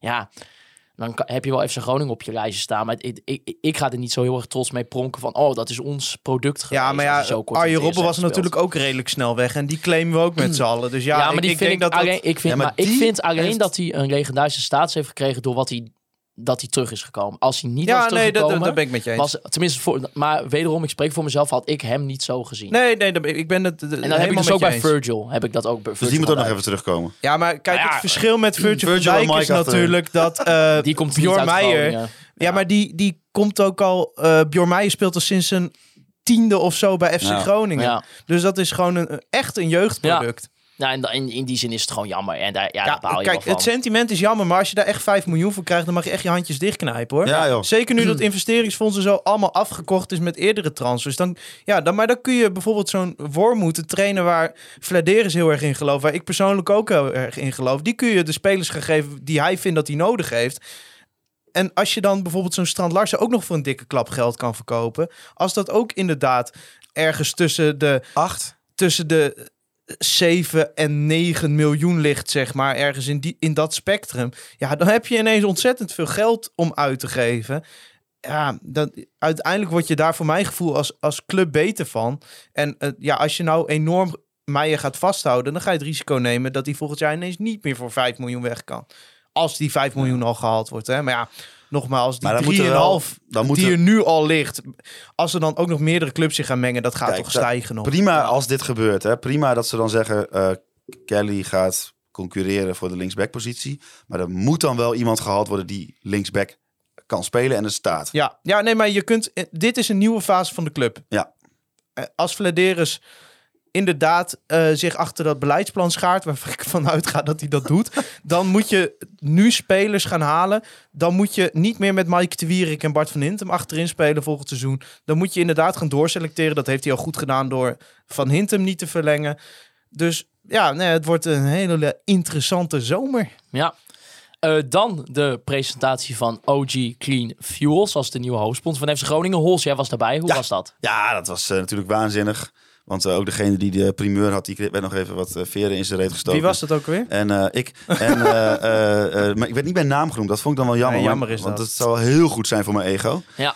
Nee, maar wat een beetje dat is. Kijk, wij praten hier vanuit supportersperspectief over voetbal. En ik denk dat als je de gemiddelde supporter bij, die, bij dat evenementje neer zou zetten, dat iedereen zou denken van boring. Maar weet je, voor die mensen die die club proberen eh, in de stijgers te houden, is het natuurlijk waanzinnig. Dat je op zo'n korte termijn zo'n sponsor vindt die ook nog eens heel goed lijkt te passen. Hè? Dus die ook, die mensen die klikken heel goed met elkaar. En die mensen die, eh, eh, ja, dat zag je ook, dat straalde ze ook uit. En ik, hoor ook van mensen die met ze gewerkt hebben, zeg maar, in die eh, aanloop naar die deal toe, dat het gewoon hele fijne mensen zijn. Dus ik denk, ik snap wel dat ze daar een groot ding van hebben gemaakt. En ja, ja, ja, Ja, het prima. De FC Groningen het eerste seizoen 1,2 miljoen op. Het tweede seizoen 1,35 miljoen. En vervolgens in, de, nou ja, in het laatste seizoen dan tot nu toe eh, 1,5 miljoen euro op. Ja, dat, dat je op zo'n korte termijn niet hebt gefixt, dat is ongelooflijk goed. Ehm, ik vind het verhaal klopt ook. Ja. Vind ik. Het het is een hoofdsponsor die past bij, bij de huidige... ehm, ook problematiek die speelt binnen de provincie. Wat past gewoon bij, bij de club FC Groningen. Wat past ook bij het beleidsplan. Dus Het enige wat niet helemaal past is de, eh, de kleur groen. n- nee. Nou, Nee. die zag er op het shirt al beter uit dan op Ja, de foto, vond ik. Ja, want Sam vroeg inderdaad wat we daarvan vonden. Ja, ik vind het een mooie hoofdsponsor op het Ja, shirt. ik ook. Ik vind het ook een mooie hoofdsponsor. Het kan soms echt fout gaan. Dat ze gewoon, dat, nou ja, dat hangt een beetje dan van het logo af, maar dit past ook gewoon. Ik ga iets raars zeggen in de context van een sponsor, maar ik heb eh, een enorm goed gevoel bij eh, deze deal. ja, maar dat komt omdat ik ben een beetje een LinkedIn-mannetje natuurlijk. Oh, ja, ja, ja, ja. Daar- daar zit Heb je je, al dan- 500 plus connecties? Nee, nog niet. Vroeg me allemaal toe, jongens. Maar, eh, Oh, dat, de- maar eh, ik zat een beetje op LinkedIn te scrollen. En nou, ik heb natuurlijk de- die halve club ook op LinkedIn. Dus dan krijg je al die sponsortjes. nou, sponsortjes, dat klinkt wel heel badinerend. Dan krijg je al die sponsors voorbij. Maar ik zag dus ook die directeur van, eh, van eh, eh, OG Clean Fuels. Marcel Leuke Borg. Ja, die was, Leuke die was naar die wedstrijd. En dan ben ik een heel simpel figuur. Maar dan zie ik een foto van iemand in een spijkerbroek met een biertje in zijn hand. Die zegt dat hij een topmiddag heeft gehad. Dan denk ik, ja, dit wil ik als hoofdsponsor. Ja. ja, precies. Zo Ja, makkelijk zijn we dat heb ik dan liever dan mensen die, wat ik- die schriften verkopen, zeg Wat maar. dan ook het mooi is, hebben ze volgens mij één, ik weet niet wat voor functie hij had van mijn accountmanager of zo, hadden ze mee van OG Fields. En dat is echt een Groningen supporter. En die staat dan met het bedrijf waar hij voor werkt en dan dat, met dat shirt. En die jongen die glom van oor tot oor. En ja, dat he, ja, het is niet onze wereld misschien, maar het is wel mooi om te zien. En de uitspraak, er was maar één club waarvan wij hoofdsponsor konden worden in het noorden. Dat zijn ook wel dingen waar je mij wel weer mee paait. Ja. Ja, en los daarvan, eh, voor de duidelijkheid, ze gaan dus echt substantieel meer betalen dan eh, Office Center. Dus dat is, ja, Ja, dat is ook en nog... Ik eh, moet heel eerlijk er zeggen, ik, als dat een succesvol bedrijf blijft, dan hoorde ik al wel tussen de regels door Ja, dat dit dat niet voor drie jaar ook. is. Dat zei hij ook, van eh, eh, drie jaar en dan kijken we weer. Ja, maar, Maar goed, het lijkt nu bijna alsof wij gesponsord worden door OG Clean Fuels. Maar goed, we mogen echt wel blij zijn dat er gewoon een partij is die in deze fase... Ja. dat je zo'n klap krijgt van Office Center die er gewoon instapt.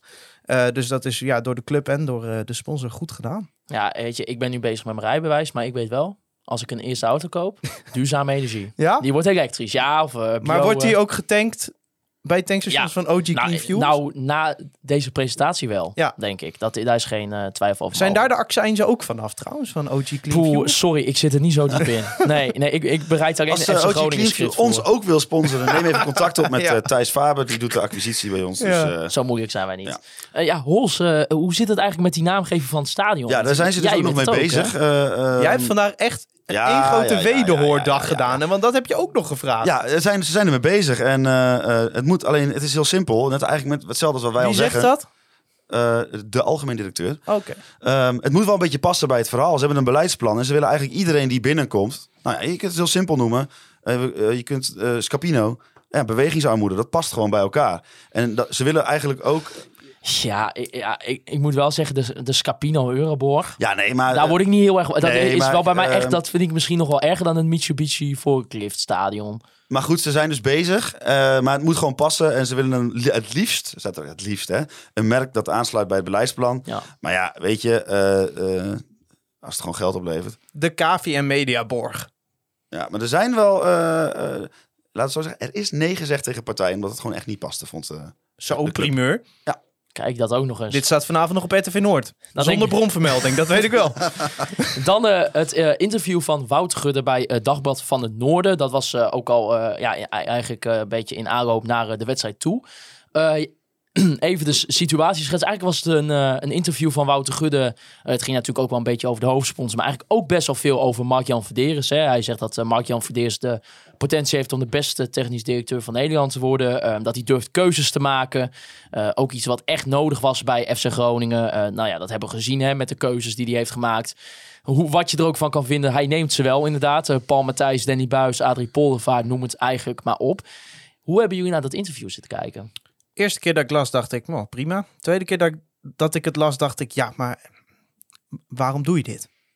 Want, want waar heb je dan moeite mee? Als jij iets niet wil, en als jij wil dat op iets niet de nadruk ligt, dan moet je toch niet pagina groot in, in de grootste krant van de regio dat benoemen. Nou ja, waarschijnlijk, misschien het is hem waarschijnlijk gewoon gevraagd en hij geeft gewoon ja, antwoord. oké, ja. maar je, ja, nou, hij gaat, eh, vind ik op zich wel goed op de meeste kritiekpunten in. Hij zegt van, nou, Mark-Jan heeft nog wat dingen te leren op organisatorisch gebied en zo. Nou, Maar ik vind dat hij dan gewoon totaal voorbij schiet aan wat volgens mij de grondslag is van alle problemen tussen haakjes. Communicatie. Hoor je hem niet over. Je hoort hem niet zeggen dat eh, persbericht van Paul Matthijs, als we dat wel goed hadden gedaan, dan eh, eh, hadden we misschien wat, wat minder gezeik gehad. Want hij doet alsof zeg maar, de beslissingen in twijfel worden getrokken, maar dat is niet zo. Kijk, over Paul Matthijs kun je twisten, maar met een goede uitleg, oké, prima. Danny Buis, Adrie Boldevaart met een goede uitleg, prima. Het probleem is alleen, die uitleg is niet goed. Maar dat benoemt hij niet. En dat, dan, komt, dan lijkt het verhaal ineens, als je, als je vanuit dat oogpunt kijkt, ja. lijkt het ineens op een verhaal van... Oh, ze hebben allemaal kritiek op ons. Oh ja, de, oh, oh, ja oh. het, is een klein beetje, het had een klein beetje papa zijn pest in mijn gevoel. Ja, nou, dat, dat bedoel ik, ja. Dat vind ik ook raar. Dat gaat over Mark-Jan Vladeris. Zit Mark-Jan Vladeris niet in het interview? Ja. Dus dan heb je een directeur die eh, het dan gaat opnemen voor een andere directeur. Terwijl het volgens mij afgelopen week niet een enorm hot item was op dat moment of zo, Mark-Jan Vladeris. Nee. Nee, ja, ja, ik vind het een beetje raar. Nou ja, ik, ik snap ook wel dat je het Mark-Jan Vladeris niet laat doen, want dat wordt meestal een treinramp, eh, communicatief. Maar eh, Nou, wat, nou, wat dat ik, wat is ik- misschien ook wat overdreven, Nee, maar, maar- je ziet wel vaak als, als nu Mark-Jan Vladeris zich zou gaan uitdrukken, dan zou hij het waarschijnlijk in een vlek gaan wrijven en dat wil je niet. En Wouter Gudde is een goede communicator. En, en, maar ja, eigenlijk als je dit tussen de regels doorleest, ik vind het ook allemaal niet zo spannend wat hij zegt. Maar Nee, maar weet je nou, wat het, het is gewoon is? zeg maar in het patroon van eh, communicatie vanuit het management richting externe partijen. eh, past dit interview dat ik denk, ja, wat wil je hier nou mee bereiken? Ja, weet je, en volgens mij als je gewoon kijkt naar van A naar B, eh, hoe je verder komt, je kun je volgens mij het beste be- beredeneren in dit geval. Je kunt toegeven dat dingen fout zijn gegaan, maar je kunt Ja. volgens mij beter in stilte gewoon werken aan verbetering. Ja, maar dat kunnen ze toch ook heel goed. Want Ja. als je toch kijkt naar het punt dat zij starten, dat Gudde binnenkwam, een jaar later Vladeris binnenkwam. Spelersfonds is afgekocht. We gaan weer eh, zwarte cijfers draaien. We hebben kapitaal op het veld staan. Nou, dan kun je toch zeggen, wij maken goede beslissingen. Ja, dat je niet goed communiceert, dat is het probleem. Maar gewoon onderaan de streep, kijk, er worden ook wel eens foute beslissingen gemaakt. Maar als je alles onderaan de streep bij elkaar optelt, wordt er gewoon goed beleid gevoerd nu, op dit moment. En dat betaalt zich uit. Want kapitaal op het veld, ik zei het al, spelersfonds afgekocht. Ja. Eh, je gaat waarschijnlijk de play-offs halen. Eh, in ieder geval de kans is best groot. En je hebt eh, ondertussen een hoop spelers ontwikkeld. Maar dan ja, wat is het probleem dan? Nou ja, Dan kijk, Het is kun je toch eigenlijk wat- prima verdedigen Wat er eigenlijk aan de hand is, is met dit dat interview... je, dat je eh, bepaalde beslissingen Ja, neemt. maar wat er eigenlijk aan de hand is met dit interview, ik, heb, ik ga weer even in beeldspraak denken. Flederis die heeft, eh, is zojuist eh, in de hoek geslagen bij, een- bij een bokswedstrijd. En eigenlijk de, eh, die ligt daar nog een beetje bij te komen. De lampen zijn uit en dan komt Wouter Gudde, die komt het podium op en zegt... Yo, mag de lamp aan? Ja, lamp aan. De hij ligt hier hoor, hij ligt hier. Ja. En dan gaat hij weer weg. Terwijl hij, hij had hem even moeten helpen op, opstaan en eh, we gaan weer verder orde, met de orde van de dag. nou ja, hij, Hij, hij, doet eigenlijk, hij legt nu zelf de schijnwerper er weer op. ja, dat snap ik niet zo goed. Hij zegt zelf in het interview, ja, zo'n beetje alles wat er bij ons eh, gebeurt, ligt dan aan Mark-Jan Verderen. Zo lijkt het wel. Kijk, ik, in die zin wil ik wel met hem meegaan. Kijk, Mark-Jan wordt natuurlijk slachtoffer in dat opzicht bij bepaalde situaties als Paul Matthijs, eh, Danny Buis. Terwijl misschien iedereen best wel eens is met, met de keuzes die hij maakt. Ja, maar weet je wat hij ook een beetje is? Hij, maar hij wordt Zijn werk. Ja, maar, ja, maar eh, wat ik even wil zeggen, zijn, hij wordt slachtoffer van de externe communicatie. Ja. Ja. Dus hij wordt eigenlijk slachtoffer van een andere tak binnen de organisatie. Kijk, Ja, ook die- wel van de interne communicatie natuurlijk. ja, hè? natuurlijk, natuurlijk. En ik vind het ook heel goed. Ik vind het wel goed dat Gudde een keer eh, publiekelijk ook eh uitlegt wat de leerpunten van Mark-Jan zijn. Want dat hebben we eigenlijk nog niet echt Ja. heel erg voor me Moet ik heel eerlijk gezien. zeggen, Maarten, als ik de leerpunten van Mark-Jan Vladeris zie, z- zie ik dat, dat zie ik als voorwaarde om een directeur te Ja, zijn. tuurlijk. überhaupt. Ja, zeker. Maar het is wel goed dat dat dus gewoon eens een Dus keer maar heel goed dat hij wordt daar, dat, dat daar dan mee bezig, mee bezig Nou, maar je hoor. mag toch in, in bredere zin jezelf ook gewoon afvragen van... eh, wat doet de afdeling communicatie dan structureel fout blijkbaar? Ja, nee, maar dat bedoel ik dus. Dus daar, ik, ik denk, daar wil ik wel met hem mee. Ik denk dat daar eh eh Frederis vooral slachtoffer van is geweest. Want eh, kijk, gewoon naar de casus eh, Danny Buis terug, onze podcast, maar ook bij, bij William Pomp of bij eh, Stefan Breker. Ehm, volgens mij benadrukken we ook bijvoorbeeld in onze podcast van dat je niet met Danny Buis doorgaat. Is, is niet zo erg. Misschien zijn we zelfs voor. Sterker nog, ik was het ermee Ja, eens. misschien, ja, prima. Maar het is gewoon de manier hoe dan dat soort dingen gecommuniceerd worden ehm, door de club en mensen binnen de club. Ja. Ja, dat zorgt Ja, ervoor. en wat je dat ook- we En nu hebben we het er weer kritiek 10 krijgen. minuten over. Ja, wat je Als je dit interview niet Ja. had gegeven, dan hadden we het er niet over gehad. Nee, Nou graag ook een keer niet. Ze stoppen met dit soort interviews geven. We willen gewoon weer over die domme kutwedstrijden praten. ja. Maar ja, het enige wat ik dan wel toch wat ik, wat ik dan wel goed vond, is dat hij wel gewoon een keer, eh, ondanks dat inderdaad het zijn de voorwaarden. Volgens is het goed dat hij voor hem opkomt. Precies, daarom. Ja, maar ik zou dat dan zeg maar gewoon eh, intern doen en niet in de krant. Ja, Als iemand zegt tegen jou, ik vind jou een waardeloos journalist, dan bel ik ook niet Dagblad Kijk, van Noorden op. ik ben hier niet onverdeeld negatief over, over zo'n stuk in de krant. Maar ik denk wel, ja, je, bent je bent nu het probleem zelf weer aan het, eh, aan het eh, Ja, absoluut. opwerpen. Ja. Dan de aanstaande zondag, dan speelt FC Groningen om kwart over twaalf de uitwedstrijd tegen SC. Heerenveen. Ja, dat wordt vroeg in bus 6 zitten, Hols. Ja, bus 6, hè? Het wordt jouw eh, eerste derby van Noorden eh, in het de uitvak. allereerste keer dat ik zeg maar met een verplicht iets in een eh, uitwedstrijd ga. Want de vorige keer was natuurlijk Ajax en dan kon je gewoon met de trein Ja. heen. En dan dan liep je zo naar het uitvak.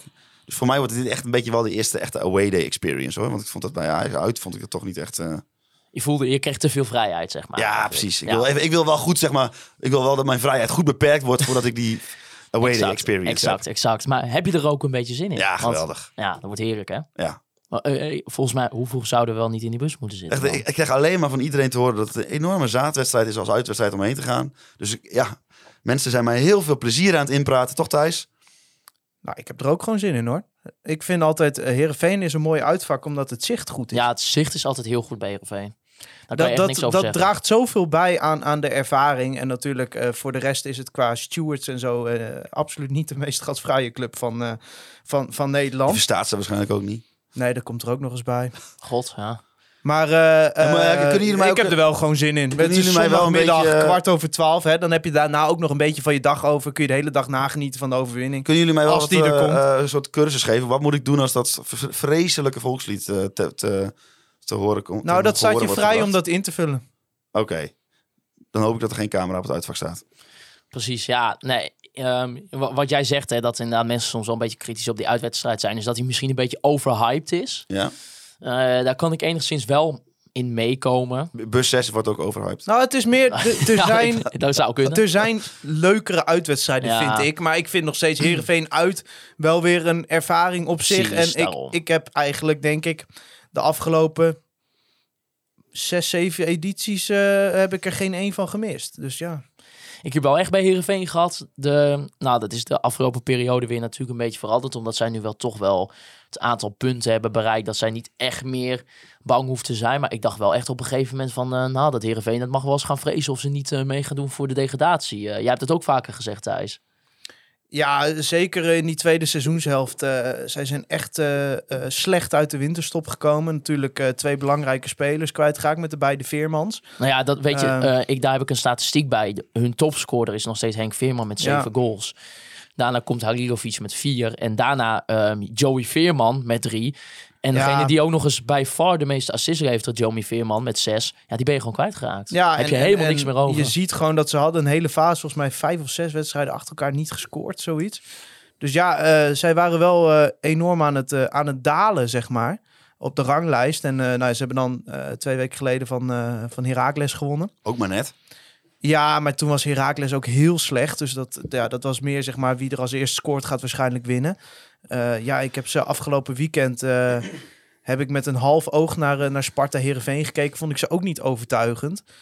Ik vind op zich wel achterin staat het wel oké. Ik vind Sven van Beek daar wel goed.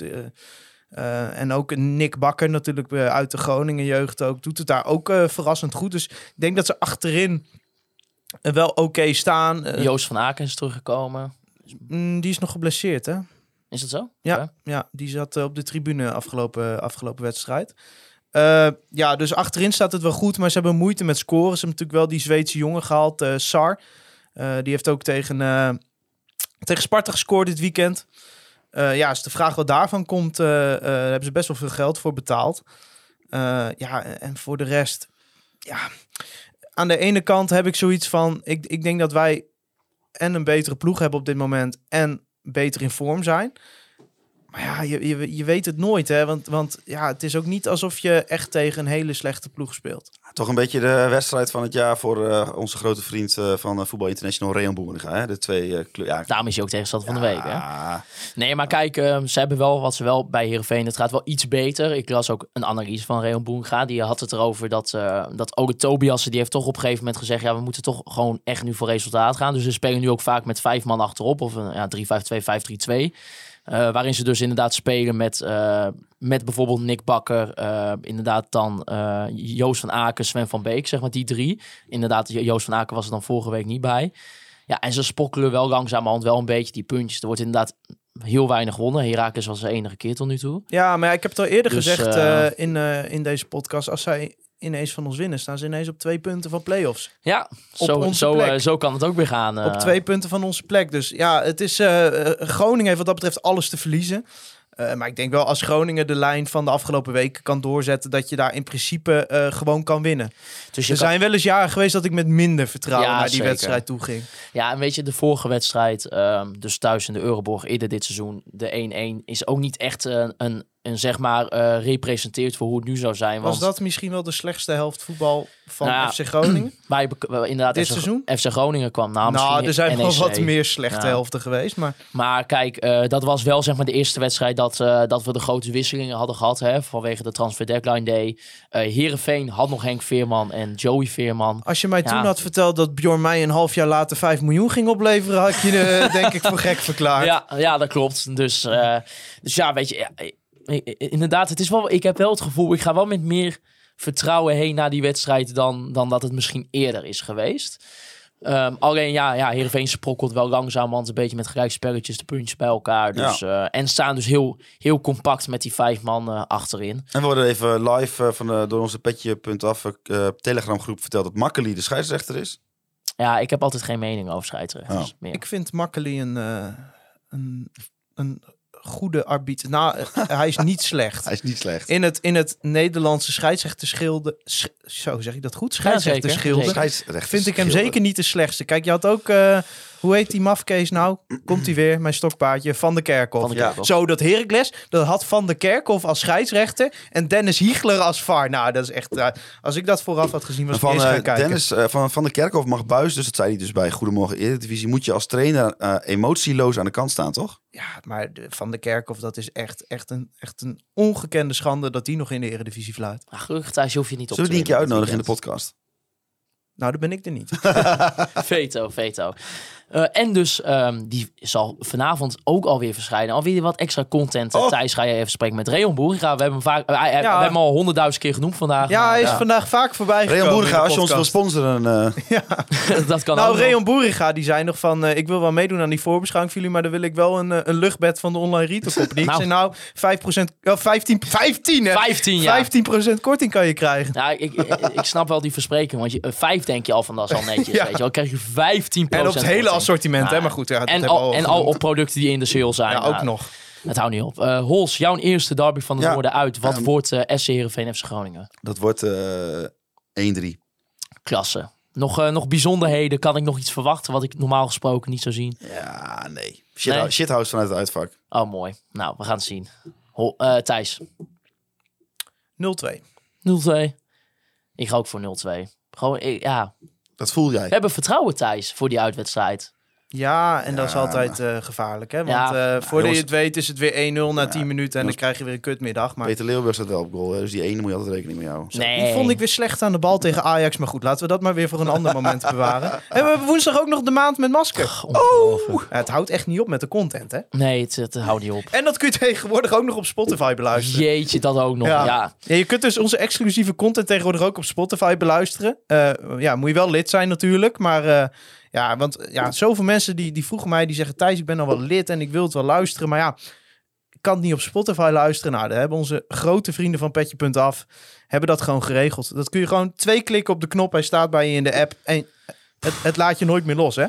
Het staat gewoon altijd in die app, zolang je lid blijft. Maar eh, dan heb je dat allemaal, ja... Ja, ik ben een beetje beduusd van. Ja, je komt met zoveel goed nieuws. eh, ja, het is echt ongelooflijk. ja, vandaag. geweldig, geweldig. Eh, jullie kunnen Conforminder de podcast luisteren via Spotify, Apple Podcast en ook via Google Podcast. Laat ook even een review achter, mocht je dat nog niet hebben gedaan. Ik wil Andy Zuidema bedanken voor het, eh, voor het verschaffen van de foto's die wij week in, week uit mogen gebruiken voor al onze social media uitingen. De Online Retail Company en B-Trip voor de Online Retail Company moment van de week. Al onze petje.affers voor het supporten van Conforminder, de podcast. Free Westerhof en Mark Pepping voor de intro en outro muziek. Eh, jullie bedankt voor het luisteren naar mijn eh, verschrikkelijke stem. ik, ik klink echt... Het wordt ook steeds erger. Ja, ik, ach, toen, eh, toen ik echt die, die, die rap tekst moest voorlezen, denk ik, ja, verschrikkelijk. Ik klink echt als een halve vindicator die net, eh, weet ik wel, echt het vaatje uitstapt of zo. Of de tapperij, of weet ik wel, nog even naar de hasrit gaat voor een eh, broodje boterham. Ik weet het niet. Jij gaat in retret. Ja, zeker. Ja, en, Woensdag, maand met masker, wil ik weer die prachtige stem van jou horen. en zondag, ik zeg niks in het uitvak. Je kan zeg maar aan komen praten, ik zeg niks terug. Want maandag moeten we weer opnemen. En dan zit ik anders weer hier met, een, met inderdaad die halve korpsbalgenstem. Dat is echt verschrikkelijk. Dus, eh, Corpus korps- Oh, dat is mooi. Oh, dit is echt een hele goede Bas. Heel veel verspreking. mensen eh, gaan dit niet horen, omdat ze al weg hebben geklikt bij, ja, ja, bij het ja. begin van die afkondiging. Ja. Oh, i- eh, wil iedereen die dit nog luistert eh, naar KVM de Pot op Twitter of op Instagram corpusballen sturen, dan weten we dat jullie nog luisteren. Ja, nou, eh, daar bedankt voor. Eh, het lijkt me daarom ook een perfect moment om af te sluiten. Ik wil jullie, de luisteraars, ook allemaal nog bedanken voor het luisteren naar Conforminder, de podcast. Juichen wij als FC Groningen weer scoort.